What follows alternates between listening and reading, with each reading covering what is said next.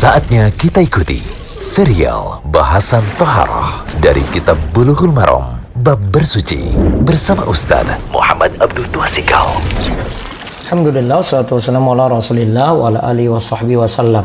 Ini audio ke-46. Kita masih membahas kitab Bulughul Maram. Masih dalam kitab Toharoh, kita masuk bab yang baru yaitu Qadha Hajah kitab At-Tahara bab qada hajah. Kitab bersuci bab adab buang hajat.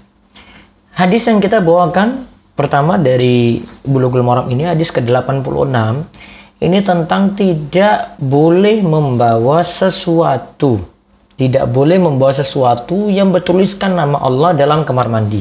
Hadisnya dari Anas bin Malik radhiyallahu anhu, qal karena Rasulullah sallallahu alaihi wasallam idza dakhala al-khala'a wada'a khatamahu. Rasulullah sallallahu alaihi wasallam kata Anas bin Malik, jika masuk kamar kecil beliau melepaskan cincinnya. Jika masuk WC, masuk toilet, beliau itu melepas cincinnya. Akhrajahul arba'ah. Hadis ini dikeluarkan oleh yang empat, Abu Daud, Tirmizi, An-Nasai, Ibnu Majah. Namun hadis ini memiliki cacat.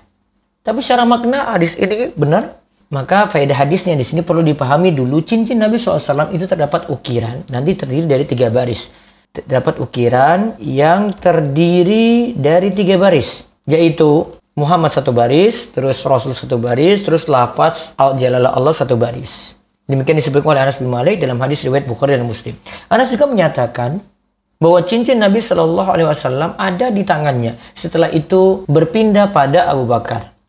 Setelah itu berpindah tangan pada Umar bin Khattab. Lalu cincin itu berpindah pada Utsman. Namun, sayang cincin tersebut jatuh pada sumur Aris dan tidak ditemukan lagi. Ya, dan tidak ditemukan lagi. Kemudian yang kedua, dari hadis ini juga kita ambil faedah membawa sesuatu yang terdapat nama Allah dimakruhkan. Membawa sesuatu yang terdapat nama Allah itu dimakruhkan. Yang ketiga, jika yang dibawa masuk dalam kamar kecil itu bertuliskan ayat Al-Quran, jelas terlarang. Sebagian ulama menghukumi haram bahkan. Dan bahwa Al-Quran seperti ini termasuk menghinakan Al-Quran, maka baiknya tidak dilaku, dilakukan. Ya, bahwa seperti ini termasuk menghinakan Al-Quran, makanya baiknya tidak dilakukan. Terus yang keempat, hal di atas, jika memudahkan untuk ditinggal, jadi membuat orang itu uh, jika memudahkan untuk ditinggal di luar kamar kecil itu jika kita mau praktekkan di atas ya namun jika khawatir ada yang merampas terbawa angin atau lupa ya tidaklah jadi makruh untuk membawanya jadi jadi boleh kalau memang terpaksa untuk membawa terus yang kelima begitu pula membawa masuk mushaf Al-Quran dalam kamar mandi jika ia memang takut dirampas orang ya jika ia memang takut ya Al-Qur'annya dirampas orang mushaf Al-Qur'annya dirampas orang. Tetap ia membawanya.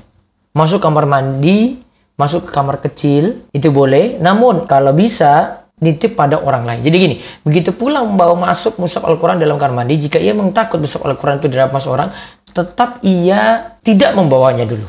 Masuk kamar kecil sama sekali. Nah, namun ia bisa titipkan ke orang lain. Ini lebih baik ya, titipkan pada orang lain saja untuk menjaganya sampai ia keluar.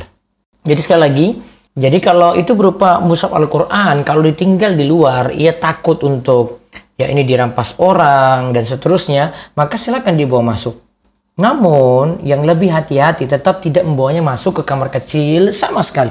Jadi tidak dibawa masuk. Solusinya, ia bisa titipkan pada orang lain untuk menjaganya sampai ia keluar. Allah Ta'ala.